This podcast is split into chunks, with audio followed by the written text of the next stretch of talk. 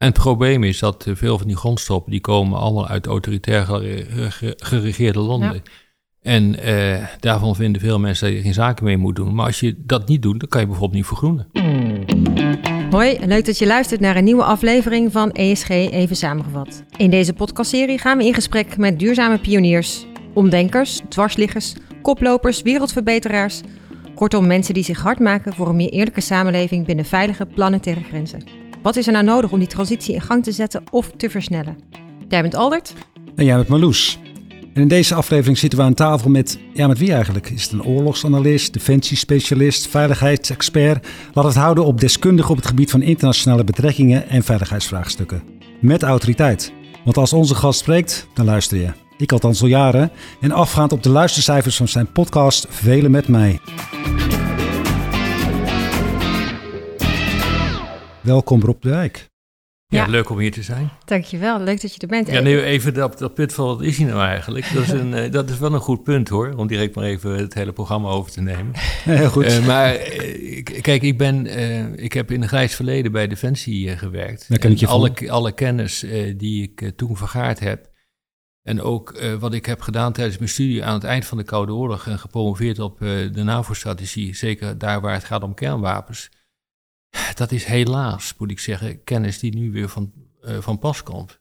Dus voor mij was het vrij uh, simpel. Ik moest mezelf even een opfriscursus uh, geven en het, en het werkte weer. Ik ben mijn eigen dissertatie weer gaan, leven, gaan lezen. En maar weer eens even in de oude boekenkast gedoken. Dan die boeken kan ik toch niet weggooien. Nou ja, dan krijg je dus dit. Maar mijn echte belangstelling gaat wel uit naar de geopolitiek en de grote veranderingen die nu plaatsvinden. Dat is met jouw missie. Hè? Je hebt wel eens over, ik heb niet zo'n missie, ik ben geen wereldverbeteraar. Maar als ik jou de laatste jaren volg, dan is um, het ontbreken van, van een geopolitiek, ja. met name in Europa dan, dat, dat, ja, het lijkt wel of dat jouw missie is om dat aan het verstand te brengen, dat het absoluut soort, uh, nodig soort, is. Een soort, een soort leraar. ik ben wel hoogleraar, maar ik, ik vind het wel je taak om als je die kennis hebt. En uh, ik heb een onderzoeksinstituut uh, opgericht wat vrij groot is inmiddels. Haag Centrum voor Strategische, Studies. studies. Ja. En ja, dan vind ik wel dat je die, die kennis niet onder de pet moet houden. En als je vindt dat er ontwikkelingen zijn waar anderen kennis van moeten nemen, behalve je opdrachtgevers, dat is, mm -hmm. dat, dat is overheid, maar dat kan ook bedrijven zijn. Ja, dan vind ik wel dat je daar wel een publieke taak uh, in hebt. Dus ja. in die zin heb ik wel een missie. Ik vind wel, ja, die publieke taak vind ik wel erg belangrijk. Ja. En in hoeverre kloppen bedrijven ook uh, regelmatig op jou aan? Ja, dat doen ze ook wel. Ja? Maar je moet wel groot zijn om uh, dat te doen. hoewel, zouden we zeggen, de bakker op de hoek inmiddels ook met problemen zit die direct geopolitiek zijn. Namelijk hoge energieprijzen en, en, en hoge graanprijzen, om maar eens wat te noemen. Dat is allemaal wat gedaald, maar ik bedoel, je hebt er wel mee te maken. Maar grote bedrijven die moeten volgens mij steeds meer gaan nadenken over wat ik dan maar noem uh, geopolitieke due diligence. Dat betekent dat je heel erg goed moet nadenken over uh, in hoeverre ben ik bijvoorbeeld een speelbal van de politiek. Internationaal maatschappelijk verant verantwoord ondernemen is daar één van. Hè, jij wordt gewoon verantwoordelijk voor de hele ketens uh, waarmee je werkt. dus je, ook, dat heeft ook te maken met supply chain due diligence, om er nog maar zo eentje in uh, te gooien. Uh, dat je verantwoordelijk bent voor uh, de grondstoffen die je betrekt, dat die op een behoorlijke manier, op een eerlijke manier zijn gewonnen. en doe je dat niet, dan ben jij verantwoordelijk. Dus je wordt steeds, het wordt steeds politieker. interessant genoeg vind ik dat wat je nu ziet in de Europese Unie, maar ook in de Verenigde Staten, maar vooral binnen de Europese Unie, doet heel sterk denken wat China ook doet. Dus dat bedrijfsleven steeds meer instrumenten worden van politiek handelen. Ja, nou, nou hoor ik jou uh, een aantal woorden erin ingooien. Uh, ja. Grondstoffen, toegang tot grondstoffen, uh, energie noem je, energietransitie. Nou, dat ja. zijn natuurlijk ook uitdagingen waar we met z'n allen voor staan in het kader van... Ja. we lopen tegen de grenzen aan van wat de, van de planeet aan kan. op grondstoffengebied, grondstoffen schaarste. De klimaatuitdaging waar we, waar we voor staan. En dan kom je onvermijdelijk ook op het geo geopolitieke aspect. ik hoorde laatst iemand zeggen, energie is macht. Dat is ook zo. ja, en, en, en de, de, de, de, ja, de, de schaarste van grondstoffen die nodig zijn om uiteindelijk die energietransitie uh, uh, in gang te kunnen zetten of te versnellen. Ja, en het probleem is dat veel van die grondstoffen die komen allemaal uit autoritair geregeerde landen. Ja. En daarvan vinden veel mensen dat je geen zaken mee moet doen. Maar als je dat niet doet, dan kan je bijvoorbeeld niet vergroenen. Of dan kan je high-tech industrie nee, niet, niet Je gaat met reuzen als dus, en, en dat wordt vaak vergeten. En nou, je, had het, je vroeg wat is je missie? Nou, mijn missie is dus wel om dat gewoon duidelijk te maken. Dat de wereld allemaal wat in, uh, complexer in elkaar zit dan uh, veel mensen denken. Nou, dat geldt bijvoorbeeld voor die energietransitie. wordt vaak een beetje gekend schetst. Je hoort hetzelfde als van uh, de gulden naar de euro. Dat is niet zo. Dat was wel best wel complicated, maar het is natuurlijk veel Dit is gewoon, dit is echt een enorme transitie. Complexe, ja. Waarbij... Hoe kijk je daar tegenaan? Hoe, nou ja, breed zie je die? Nou ja, dat heeft... Dat, dat moet je helemaal inbedden in die geopolitieke veranderingen. Uh, je moet uh, zo'n zo'n energietransitie heeft alles te maken met de ontwikkeling uh, van, van nieuwe technologieën. Daar heb je inderdaad bepaalde grondstoffen voor nodig. Alles wat kritiek is aan die grondstoffen, dat is toch een probleem om, om op het te krijgen. het drijft op halfgeleiders, chips. Ja. Grondstoffen voor halfgeleiders die zitten in de Democratische Republiek Congo, in Rusland en in China. En je ziet dus dat die landen in toenemende mate bereid zijn om uh, daar uh, pressie mee uit te oefenen met die grondstoffen. Uh, dus je kunt wel zeggen van we gaan vergroenen, maar het moet wel kunnen.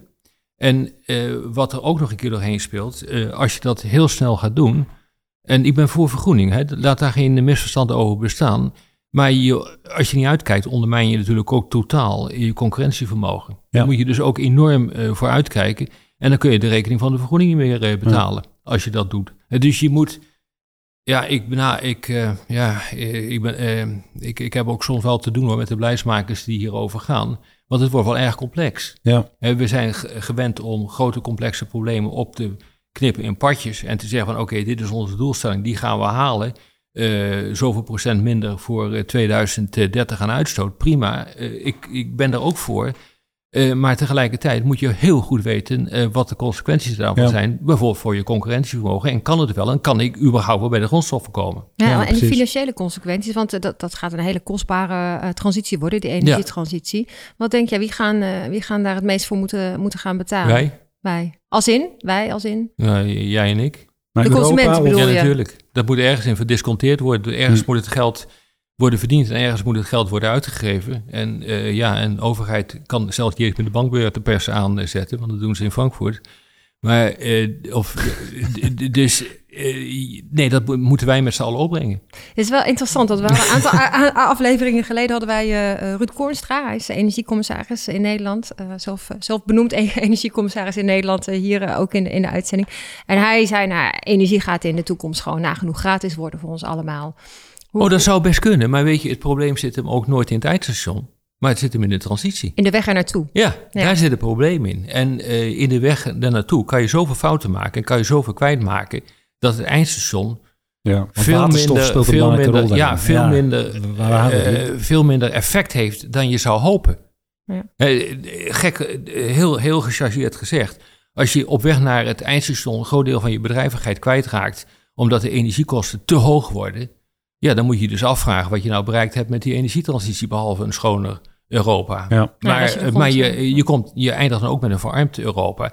En het, mijn, mijn probleem is uh, dat in dit soort discussies de internationale context gewoon vaak niet wordt meegenomen. Van wat betekent het nou eigenlijk voor je positie? Kan ik bij die grondstoffen komen? Uh, men, men springt eigenlijk van het nu naar de transitie en naar de uitkomsten van de transitie. En vergeet dan dat er in die hele transitie bijvoorbeeld moet blijven investeren in fossiel. Of, je, of je het wil of niet. Kijk, zolang als je in die transitie zit en nog fossiele brandstoffen gebruikt, moet je ook voor zorgen dat je A, toegang toe hebt en B, ook uh, faciliteert de investeringen die je moet doen om de, er nog bij te kunnen. Maar en daar, zit, daar zit echt een probleem en die discussie loopt nooit. Oké. Nee. Dat is echt een groot probleem hoor. Hm. Nou ja, dat hoor je natuurlijk ook wel in, in, uh, in, het debat nu. Dat aan de ene kant Europa nog steeds wordt veroordeeld om het feit dat we uh, fossiel uh, subsidiëren. En aan de andere kant renewables. dus dat, we, dat we aan beide kanten aan het duwen en aan het Ja, dat klopt. Maar activisme, daar ben ik niet tegen. Want het houdt namelijk de boel scherp. En dat zorgt ook voor de goede discussies.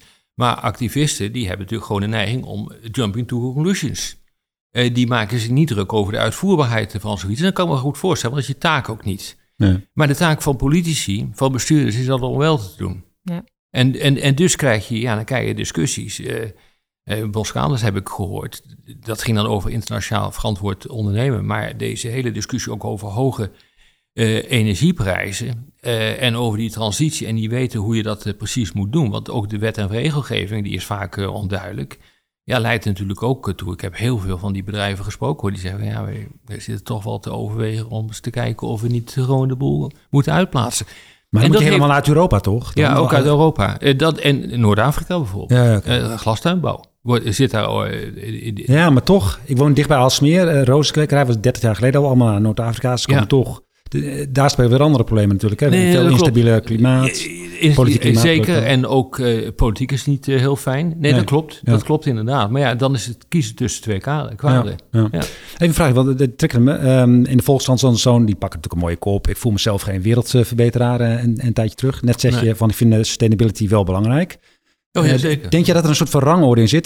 BP, gisteren het jaarverslag van BP, en die zeggen, joh, energiecrisis dan zit je in een soort van trilemma. Je zit in die triangel van security, hè, toegang toe. Ja. Uh, affordability, kunnen we het betalen. En sustainability. Klopt. Vind, jij daar een rangorde in? Vind jij, zeg jij, joh, die, die, security is het belangrijk. Laten we eerst maar zorgen dat we toegang hebben. Nee, vind ik niet. Ik vind dat je, als je zo'n transitie ingaat, moet je het verstandig doen. En uh, moet je alle pro's en cons uh, op een rij zetten. En dan moet je gewoon maar het besluit nemen. Je mag best wel een beetje concurrentiepositie daarvoor inleveren, maar niet ontzettend veel. Hm. Want anders heb je gewoon geen geld meer om uiteindelijk die transitie te kunnen betalen. Ja. Dus ik, uh, nee, ik ben daar, ik ben daar niet. Uh, ik, ik, ja, ik ben, ben voor dit soort transities. Maar ja, het, het levert allemaal hele, hele praktische problemen ook op. En daar zul, je, daar zul je wel rekening mee moeten houden. En die worden te vaak genegeerd. Hm. En dat heeft te maken met het feit dat dit hele complexe processen zijn waarvan het nogal wat tijd kost om te begrijpen hoe die werken. Het is technisch complex, het is sociaal complex, het is internationaal politiek complex en alles uh, werkt uh, op elkaar in. De mensen hebben toch de neiging om heel simpel te kijken, of dingen te simplificeren en dan kijk je misschien alleen naar het eindresultaat. Nou ja, dat is wat activisten doen. Nogmaals, ik ben daar niet tegen, dat mag je ook doen. Je had geen last afgelopen zaterdag? Was bij, nee, nee, dat was vlak okay. bij mij in de buurt. Daarom ja. ja. Oké.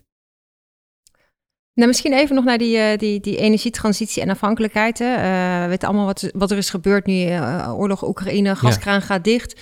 Um, wat trouwens, wat we zelf hebben afgedwongen. Ja. Dus misschien wel even goed om dat te zeggen. Ik bedoel, Door onze zijn, opstelling meteen na het uitbreken van die oorlog bedoel je? Wij zijn begonnen met een, met een gas- en olieboycott. En daar, heeft, daar, heeft, daar heeft Rusland op gereageerd. Had het anders gekund dan? Ja, je had het ook niet hoeven doen. Ehm, ik begrijp het wel, hè ook hier, ik heb overal wel begrip voor, dat is het punt niet. Maar de grote vraag is uh, uh, hoe, hoe verstandig dat nou eigenlijk was. Ik, ik, heb altijd gevonden van als je dit soort beleid gaat doen, dan moet je ervoor zorgen dat het jezelf niet harder raakt dan de tegenstander. Want er is echt gewoon zoveel literatuur geschreven over, zoveel onderzoek geweest naar sancties en de effectiviteit van boycotts. Ja, ja, ja. Nou, wat we hier hebben gedaan, dat is eigenlijk uh, volgens het boekje zoals je het niet moet doen. Maar raakt het Rusland minder hard dan, dan Nou, kijk naar de cijfers. Nou, op, op zich, Rusland op een gegeven moment is toch uitgespeeld een rol als olieproducent? Ja, misschien naar, naar China, maar India, dat, misschien dat, Zeker, dat is ook zo. Maar het doel was om een einde te maken aan de oorlogsinspanning. En uh, je, ziet, hoe de, je ziet, hoe, de, hoe de discussie dan gaat verschuiven. Uh, want dat is natuurlijk ook wat mij continu, jouw opmerking is terecht. Maar dat is natuurlijk ook wat je continu hoort van uh, ja, maar het gaat Rusland hard raken. Ja, maar dat ontken ik niet. Natuurlijk uh, raakt het uh, Rusland hard. Maar de bedoeling was echt om een einde te maken aan die oorlogsinspanning. Dat is niet gebeurd. En dat is niet gebeurd. En dat gaat ook niet gebeuren. Nee, maar hoe had je dat kunnen, kunnen doen? Dan, dan, dan kun je alleen maar militair optreden, toch? En dat, dat is een heel ja, groot risico. Ja, kijk, vanuit mijn vakgebied zijn sancties altijd arme luisoplossingen. Je hebt geen zin om te vechten. Dus sancties... Voeting toch een beetje gelijk. Ja, dan, dan doe je wat en dan het geeft ook een goed gevoel. Want moet eens kijken hoe krachtig, dag, hoeveel daadkracht ik heb. Ja.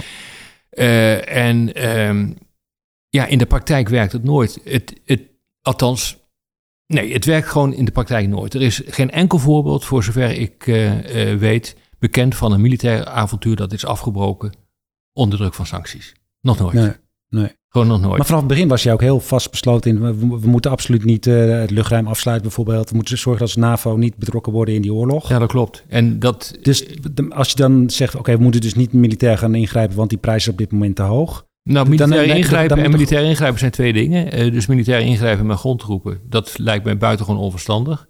Ik ben ook nooit tegen het zenden van wapens geweest, maar doe het wel zo dat de boel niet escaleert. Mhm.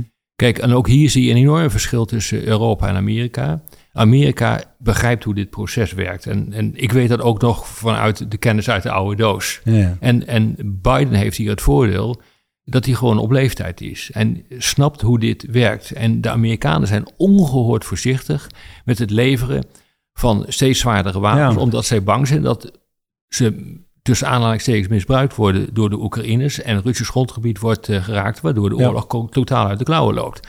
Hebben ze heel beheerst gedaan tot nu toe? Dat hebben ze heel beheerst eh, gedaan. In Nederland zijn wij daar veel ruiger in. En, uh, zeker een deel van de bevolking, en ik zie ze ook in de, op de sociale media uh, langskomen, die zeggen continu moeten erop losslaan en dat gedoe en die de wijk, dat is iemand die eigenlijk alleen maar grondgebied wil afstaan. Nee, helemaal niet. ik ben niet iemand, ik ben inderdaad iemand die waarschuwt voor escalatie. Maar dat is ook in eigen belang. Je wil niet dat het zo escaleert dat je hier te maken krijgt met een kernwapenoorlog. De Amerikanen zien dat ongehoord goed. Dus wat ik zeg, dat doen de Amerikanen ook. En het leuke trouwens is, de Amerikanen gaan erover, wij niet. Godzijdank. ja. maar, maar toch even terug dan. Ja, sorry, we zitten nu wel uh, heel diep de oorlogvoering in. Nee, de consequentie was inderdaad uh, afsluiten van, van, uh, van gas. Um, nou, dan wil ik toch even een stapje vooruit doen. Hè? Ik hoor je ook zeggen, hè, transitie, dat heeft tijd nodig. Dat heeft met vloeibaar LNG nodig. Die contracten lopen nu ook. Ja. Um, maar straks groene waterstof, toch de, de, de toekomst, hernieuwbare energie. Ja. Wat, wat, wat, wat verandert er dan qua verschuiving in de, in de machtspolitiek, in de wereldorde? Niks, want wij denken dat uh, al die waterstofgas, dat we dat zelf kunnen produceren. En dat, heeft, dat heeft ook gelopen tijdens die discussie met de energietransitie. En het uh, akkoord wat eruit is uh, gekomen. We hebben ook gezegd van jongens, hou nou echt rekening met die internationale context. Maar daar werd impliciet volgens mij uitgegaan van het idee dat we helemaal zelf supporting zouden kunnen worden in onze energie. En dat kan helemaal niet. Of je moet een derde, bij wijze van spreken, van Nederland vol plempen met windmolens en, zonnepanelen. En zonnepanelen. Ehm, dat doen we dus niet. Dat doen we nu op de Noordzee. Je komt een hele eind, maar niet helemaal. En je lost het probleem niet helemaal op. Uh, we hebben ook berekeningen uh, waaruit blijkt dat pakweg Europa voor 50% is zijn eigen waterstof kan voorzien. Je, je zult het uh, moeten halen uit andere landen. En rara, welke landen zijn ja, dat? Zijn ja. Onder andere Saoedi-Arabië, die uh, eigenlijk als doel heeft, en dat kunnen ze ook heel makkelijk halen, om de grootste waterstofleverancier van de wereld te worden. En de pijpleidingen liggen er al. Dus, dat, de, dus we verleggen onze afhankelijkheid, wederom. Ja, je wordt denk ik minder afhankelijk van, uh, van uh, van Rusland, maar je wordt afhankelijker voor, van bijvoorbeeld een aantal landen in Noord-Afrika uh, en in het Midden-Oosten. er worden nu ook deals gesloten met Oman. Ja. er worden, Namibië is een voorbeeld van een land waarmee je dat zou, zou kunnen doen. Maar de, de, meest voor de hand liggende landen zijn Marokko, Algerije. Daar kun je dat ontzettend goed mee doen. En ja, weet je, dan kom je weer, ja, je raakt van de regen in de drup. Dus denk niet, en dat is natuurlijk gewoon een naïviteit hoor, die je hebt in deze discussie. Daarom ja, missie weer van, eh, kijk nou gewoon eens naar de feiten. Mm A, ben je wel in staat om helemaal autonoom te worden op dit gebied? Het antwoord is nee. B, wat zijn de kwetsbaarheden? Nou, dan zijn de twee kwetsbaarheden, dat is deze geopolitieke kwetsbaarheid die we net hebben genoemd. Je blijft gewoon afhankelijk van landen waar je een probleem mee hebt. Maar we hebben een studie gedaan als HCSS uh, eh, over uh, de Noordzee. En we hebben eens gekeken wat het betekent, wat er allemaal op die Noord, in, in die Noordzee wordt gebouwd. Aan windmolenparken, misschien waterstoffabriekjes en uh, drijvende zonnepanelenparken, de onderwaterkabels naar Amerika. Nou, ga zo maar door. En de conclusie was, ja, dat is heel erg veel. Dat is vitale infrastructuur. Als het op het land wordt uh, gebouwd, dan vereist dat een enorme veiligheidsmaatregelen rond die infrastructuur. Is ook een lijst van, van die infrastructuur, van uh, wat er moet gebeuren om dat te kunnen beschermen. En we hebben nu gezien dat we helemaal geen jurisdictie hebben in die exclusieve economische zone. Wel binnen de territoriale wateren, maar niet daar. Dus als er een Russische uh, uh, schip komt met een gezellige uh, knipmachine erin, dan kan die daar gewoon doorheen varen. Ja. En je bent dan te laat. Je kunt er wel iets aan doen, maar niet heel veel. Dat is echt een groot probleem. We hebben het nu gezien met Stream 1 en 2. Ja, nou ja, afhankelijkheid verleggen naar, je noemde net al Midden-Oosten. Um, A, het feit eh, dat je afhankelijkheid hebt, uh, is misschien al niet, uh, niet heel prettig voor Europa. Maar uh, het zijn ook vaak landen waar we dan op gebied van mensenrechten tegen, tegen dingen aanlopen waar, waar dan geen voorstander zijn als, als het Westen. Um, hoe, wat, wat, wat is jouw visie erop? Moeten wij daar um, ja, minder hard in zitten? Moeten we minder um, hard op onze strepen staan? Ja, dat is een goede vraag. Kijk, mijn redenering is altijd: hebben we een keuze of niet? Dat is eigenlijk gewoon, eigenlijk die morele vragen stel ik mij niet. En dat heeft te maken met het feit dat mensen die zich met internationale betrekkingen bezighouden, eh, dan hou je niet echt bezig met moraliteit. Want moraliteit speelt in de internationale betrekkingen niet. Zeker niet als je uitgaat van rauwe machtspolitiek. Wat er eigenlijk gewoon ook de dominante stroming is in de internationale betrekkingen. Maar niet in Nederland en Europa. Maar niet in Nederland en Europa. Maar eh, het is ook, laten we zeggen, het is de enige school uh, die, uh, waar zekere wetmatigheden aan zijn te ontlenen over hoe het functioneert in de internationale betrekkingen dus macht vereist tegenmacht. Dus als een land als eh, China opkomt, dan weet je gewoon zeker dat wat er gaat gebeuren. Dat kun je uittekenen. Um, dus die morele vragen die stel ik me uh, niet, niet zo. En om terug te komen op je vraag. De vraag is, heb ik, heb ik een keuze? Nou, we hadden al gezegd, afhankelijkheid is er. Dus, die, die afhankelijkheid is er. Uh, je, je hebt geen keuze als het gaat om het aantal landen waar je bepaalde grondstoffen vandaan kunt halen. Die landen kun je niet mogen. Dus zij daar vanaf ziet en je accepteert dat je economisch naar, uh, nou ja, naar ja, dat kan. Maar halfgeleiders is natuurlijk een prachtigste voorbeeld. Ja. Uh, uh, waar de grondstoffen komen uit China, Rusland en de Democratische Republiek Congo. Waarvan we ook weten dat die landen niet te beroerd zijn om die grondstoffen in te zetten als politiek pressiemiddel. Ja, ja en ja, dan, dan, dan kun je twee dingen doen. Je kunt zeggen van oké, ik doe water bij de wijn, ik haal het er toch vandaan. Ja. Of je kunt zeggen, ik hoef ze niet te hebben, maar ja, dan gebeurt er wat jij zegt en dan uh, houdt het gewoon op met je economie. Ja, ja precies, precies, precies. Eh, dus of je moet alternatieven weten te ontwikkelen en dat is wel lastig hoor. Dat is echt lastig. Is dit nou Want dat gaat iedereen namelijk doen. Is dit een beetje de dominee uh, koopmanspagaat waar je het over hebt? dat vind ik wel. En we zitten nu in een, uh, in een periode, dat is eigenlijk al een tijdje aan de gang hoor, dat uh, de dominee langzamerhand uh, vaarwel wordt gezegd.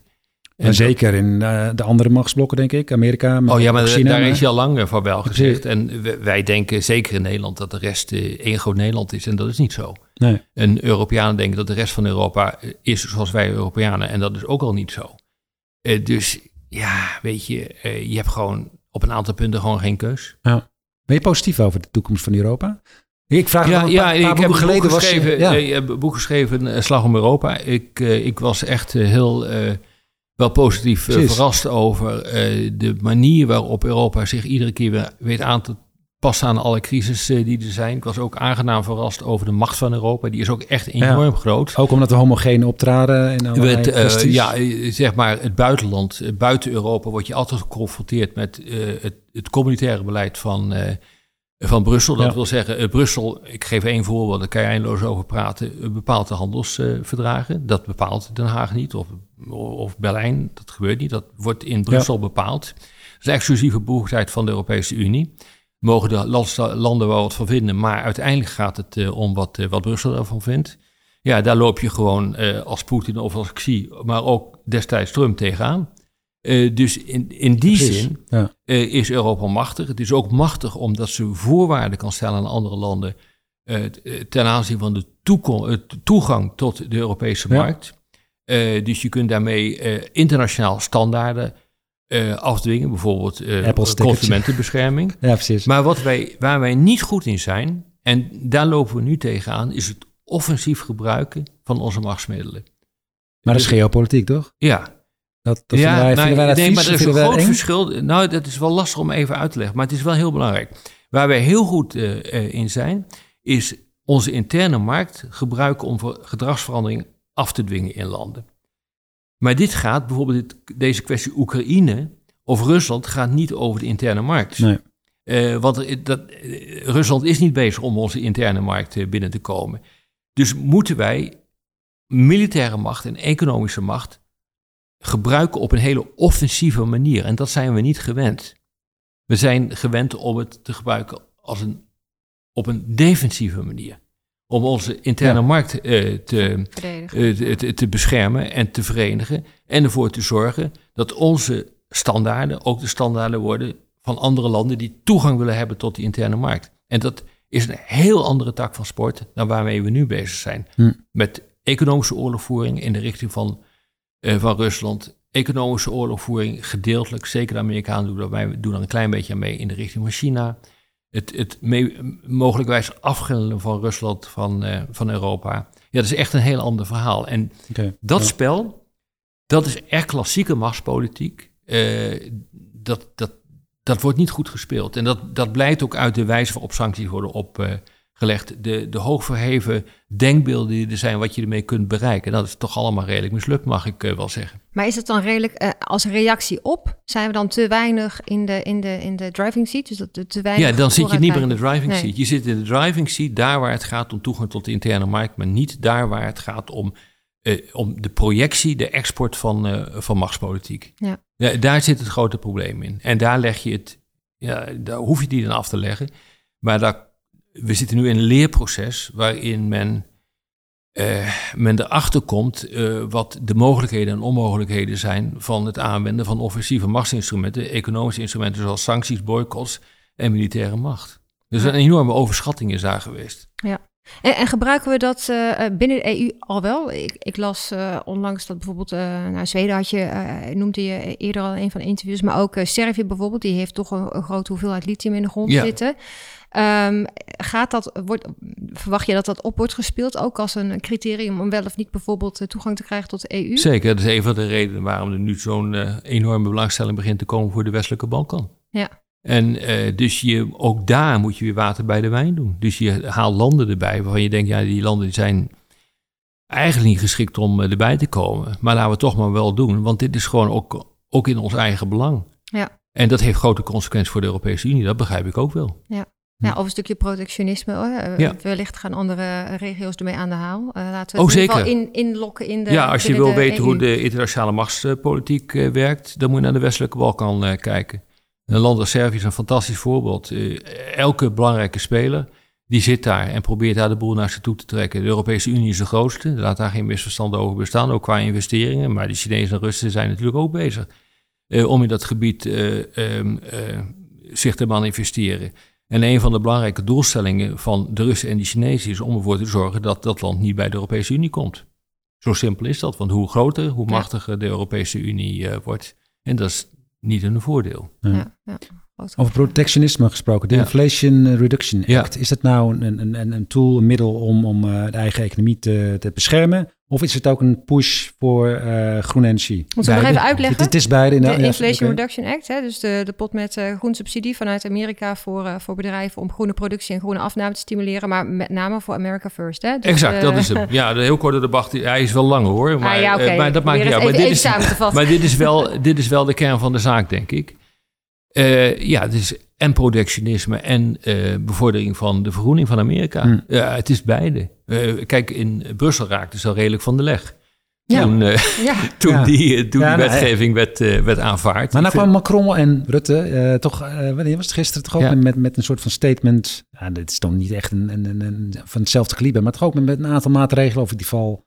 Zijn het ja, of? Ik, ik ben, als ik goed ben geïnformeerd, komt dit, komen dit soort maatregelen ook uit uh, uit Brussel nu. Hè. Uh, onder de titel uh, Made in Europe wordt eigenlijk nu hetzelfde bedacht. Ja. het gaat ook enorm, om enorme bedragen. Het gaat ook, het is wel het net over dat offensieve aanwenden van je machtsinstrumenten. Dat zien we dus nu gebeuren. Ook in het kader van de Inflation Reduction Act, in, in het kader van chips, een vergroening, steun. Interessant genoeg ook aan fossiele bedrijven, omdat men nu ook begint in te, zetten, in te zien van ja, je je, je, kan dat niet zomaar aan de kant schuiven, omdat we dan dus met z'n allen collectief, bij wijze van spreken, failliet gaan. Ja. Um, ja, dus eigenlijk wat er nu achter de schermen gebeurt, is precies hetzelfde wat de Amerikanen aan het doen zijn. Nou ja, dan laat het zich uittekenen wat de gevolgen daarvan zijn. Dan krijg je dus ook een transatlantische ja. uh, uh, economische conflicten. Ja. Maar, maar wat, wat zou um, het betere antwoord zijn? In plaats van uh, ja, dat je, kijk, ik, ben, ik zou er een groot voorstander van zijn, maar ik, dat is de idealistische gedachte hoor, dat je als Europa en Amerika, dan EU en Amerika, gewoon eens bij elkaar gaan zitten. En dat moet officieel uh, kunnen, want er is een EU, uh, EU Technology, EU US Technology Council, daar moet dat ook in worden besproken. Dat je gewoon gezamenlijke projecten gaat ontwikkelen. Dat je uh, gezamenlijke afspraken maakt over protectionisme, over internationale handel. Die zijn er wel. Maar het zou de, de WTO moeten zijn. Maar, de, ja, maar die, heeft Amerika die afgeblazen, toch? Dat, die doet het niet. Want er zijn natuurlijk een aantal landen in Europa uh, geweest die zeggen die, uh, die IRA, die, die, die wetgeving in de Verenigde Staten, die moeten voorleggen aan de WTO. Maar die doet het niet vanwege Amerika. Dus dat heeft ook geen zin. Nee. Dus je moet het echt bilateraal regelen tussen Brussel en, en Washington. Wat denk je, is het meer een groen voorwensel voor uh, America First? Wordt, wordt groen, of is het wel daadwerkelijk, uh, want je kan ook hè, vanuit, vanuit het stimuleren van groen en duurzaamheid, is het natuurlijk wel een, een mooi stukje uh, wetgeving dat ze invoeren. Of, of wat, wat, wat voert de boventoon, denk je? Ja, het is, het is beide, want je kunt het ook niet loszien aan de handelsoorlog die de Amerikanen aan het voeren zijn tegenover China. En waarbij ze willen dat China niet de beschikking krijgt over de meest geavanceerde chips. Hm. En daar, daar en niet te beroerd zijn om bijvoorbeeld secundaire sancties op te leggen aan landen, wat Korea, maar ook zeg maar Nederland hoor, met ASML.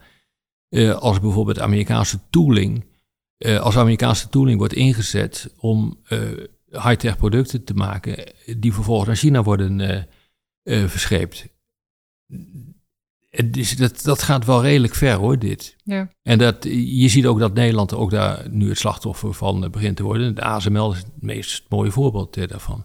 Eigenlijk zie je gewoon dat in, dus ASML is een geopolitieke speelbal geworden en Nederland is gewoon te klein voor ASML. Daar komt het feitelijk op neer. Als je dit zou willen regelen, dan moet je, ja. dan moet je dit op EU-niveau uh, regelen. Dan moet je de exportvergunning op dat niveau uh, ja, af, afzien, uh, uitzien te onderhandelen. We vragen bijna elke gast, gaan we Parijs 2015 akkoord, gaan we dat halen? Die anderhalve graad? Ik denk, ik denk dat het heel moeilijk wordt hoor. Dat denken de meesten inderdaad. En, uh, en, dat heeft, en dat heeft gewoon te maken met het feit dat het proces niet zo loopt in de internationale betrekkingen. Uh, landen zullen uiteindelijk toch kiezen voor hun eigen belang. En als hun eigen belang uh, gediend is bij het temporiseren van vergroening, dan doen ze dat. Ja, ja. Zo simpel is dat. Ik heb dat nooit anders meegemaakt. En veel politici denken natuurlijk uh, naar mij de zonvloed. In dit geval erg letterlijk. Korte termijn. Ja, ja, korte termijn. Maar gaan we dan ook hebben, geopolitiek kan het ook uh, consequenties hebben natuurlijk. Je, je, gaat gebieden krijgen die, mm, nou ja, waar je geen voedsel meer kan verbouwen. Misschien je krijgt migratiestromen, dat is misschien nog wel het meeste Zeker. zorgwekkend. Als je die, uh, die prognoses ziet van wat er met name uit Sub-Sahara-Afrika komt. Er zijn berekeningen gemaakt dat er misschien wel 500 miljoen mensen tot een miljard op de loop gaan. Ja vanwege klimaatverandering. Nou ja, dan laat het zich ook uittekenen waar die mensen naartoe gaan. Ja, oké. Uh, dat is naar ons deel van de wereld. Die gaan echt niet naar, uh, naar Saudi-Arabië toe.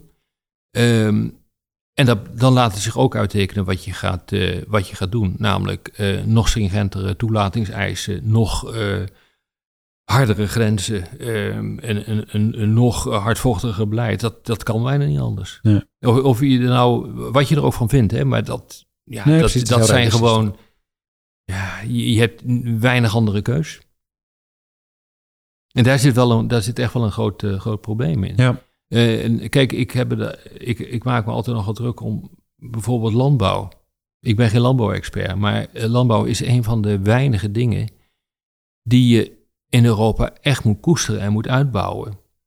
En daar zie je dus uh, dat... Maar de expertise bedoel je dan? Of, of het vermogen Nou, expertise die hebben we wel. Ja. Maar, maar, eh, maar ook uh, kwantiteit is hier ook een, een kwaliteit op zich. Ik bedoel, je moet exporteren naar landen nou, die bijvoorbeeld door klimaatverandering worden getroffen. En daar begint het al mee. Dus je hebt ook, ik vind ook dat dat wel een, een, een, een ja, dat vind ik echt wel een, iets wat je gewoon moet doen, ook vanuit medemenselijkheid. Maar dat betekent uh, dat je dus ook dat weer moet plaatsen, die hele landbouwdiscussie. Uh, zaken als farm to fork, um, um, biodiversiteitsstrategieën. Ik ben er allemaal voor, hè? Mm -hmm. maar je moet je ook uh, realiseren wat de consequenties dan wel zijn. bijvoorbeeld, er zijn mooie berekeningen gemaakt, ook door de WUR in Wageningen, die zeggen ja, 20% minder landbouwopbrengsten door, door dit soort strategieën. En dat heeft enorme consequenties, want tegelijkertijd willen we strategisch autonoom zijn en we willen ook die landen helpen. Ja, dat gaat niet. Het is of het een of het ander. Dat kun je wel weer oplossen, maar dan moet je weer meer landbouwgrond in de gebruik uh, nemen. en dat betekent weer dat je een probleem hebt met, met je natuur die je verder wil ontwikkelen. Dus dit is allemaal wel echt complex hoor. Het is één radertje waar je aan draait en vervolgens gaat er een heel. ja, een heel en daar, ik vind echt dat het onvoldoende gebeurt. Hè. Het is dat, dat kijken naar iets als een systeem, wat is feitelijk. Hè? Halfgeleiders is een, is een mondiaal systeem. Voedsel is ook een mondiaal systeem. Ja, maar dat, dat zie ik niet zo vaak nee, terug. want wij denken dat eh, voedsel een, beetje... De discussies gaan hier uh, dat je dingen gezellig moet kopen uh, om de hoek... of uh, dat er leuke, leuke dingetjes in de stad gebeuren. Dat gaat het allemaal niet worden. Dat levert te weinig kwantiteit op. En daar zit echt een geweldig probleem. Het is allemaal hartstikke leuk, weet je. Ik bedoel, als ik in mijn huis in Frankrijk ben... dan wil ik ook dingen uit de omgeving eten. Prima. Maar dat, het, en dat doe ik dan ook... Maar tegelijkertijd realiseer ik me ook wel dat het onder het hoofdstuk schatten valt. Daar ga je de wereld niet meer redden. Nee. Nee. Nou, nou, wat een sombere afsluiting. Uh, nou, ja, nou ja, kijk, het positieve is... Fijn. Dat het aanpassingsvermogen grensloos is voor mensen. dus het feit dat ik dit soort dingen roep... Uh, is natuurlijk ook om, uh, en daarom doe ik dat ook zo vaak uh, publiekelijk, om, om ook het denken op gang te brengen. Van, en dat is eigenlijk ook de, de, de, missie van mijn hele instituut, van het HCSS. Denk hierover na. Het is complexer. Probeer inzichtelijk te maken wat er gebeurt als je waar aan gaat draaien. En gebruik dat met, als, met, met de wetenschap dat het adaptieve vermogen van de mensen echt heel erg groot is. Uh, dus um, ik ben daar ook niet heel somber van. Uh, ik lig er ook nooit wakker van. Gelukkig. Uh, want uiteindelijk, weet je, komt het wel goed. Alleen, ik vind het zo jammer als je door stomzinnig beleid door een dal gaat wat je heel goed had kunnen vermijden. En daar hebben we er echt te veel van. We hebben te veel van die dalen gehad. Uiteindelijk vind je de weg weer omhoog. Dus wat dat betreft zijn net de beurzen. Die gaan naar beneden en die gaan omhoog. En uiteindelijk op lange termijn heb je winst. Ja. Als het goed is. En dat is ook feitelijk zo met dit soort, eh, met dit soort beleid en met dit soort discussies. Ja, meer systemisch. Uh, je moet echt systemisch gaan denken, ja. Heel fijn. Nou, dan sluiten we hem daarmee af. Meer systemisch denken. Ja. Gaan we doen. Hartelijk dank Rob voor je tijd en voor je inzichten. Dank.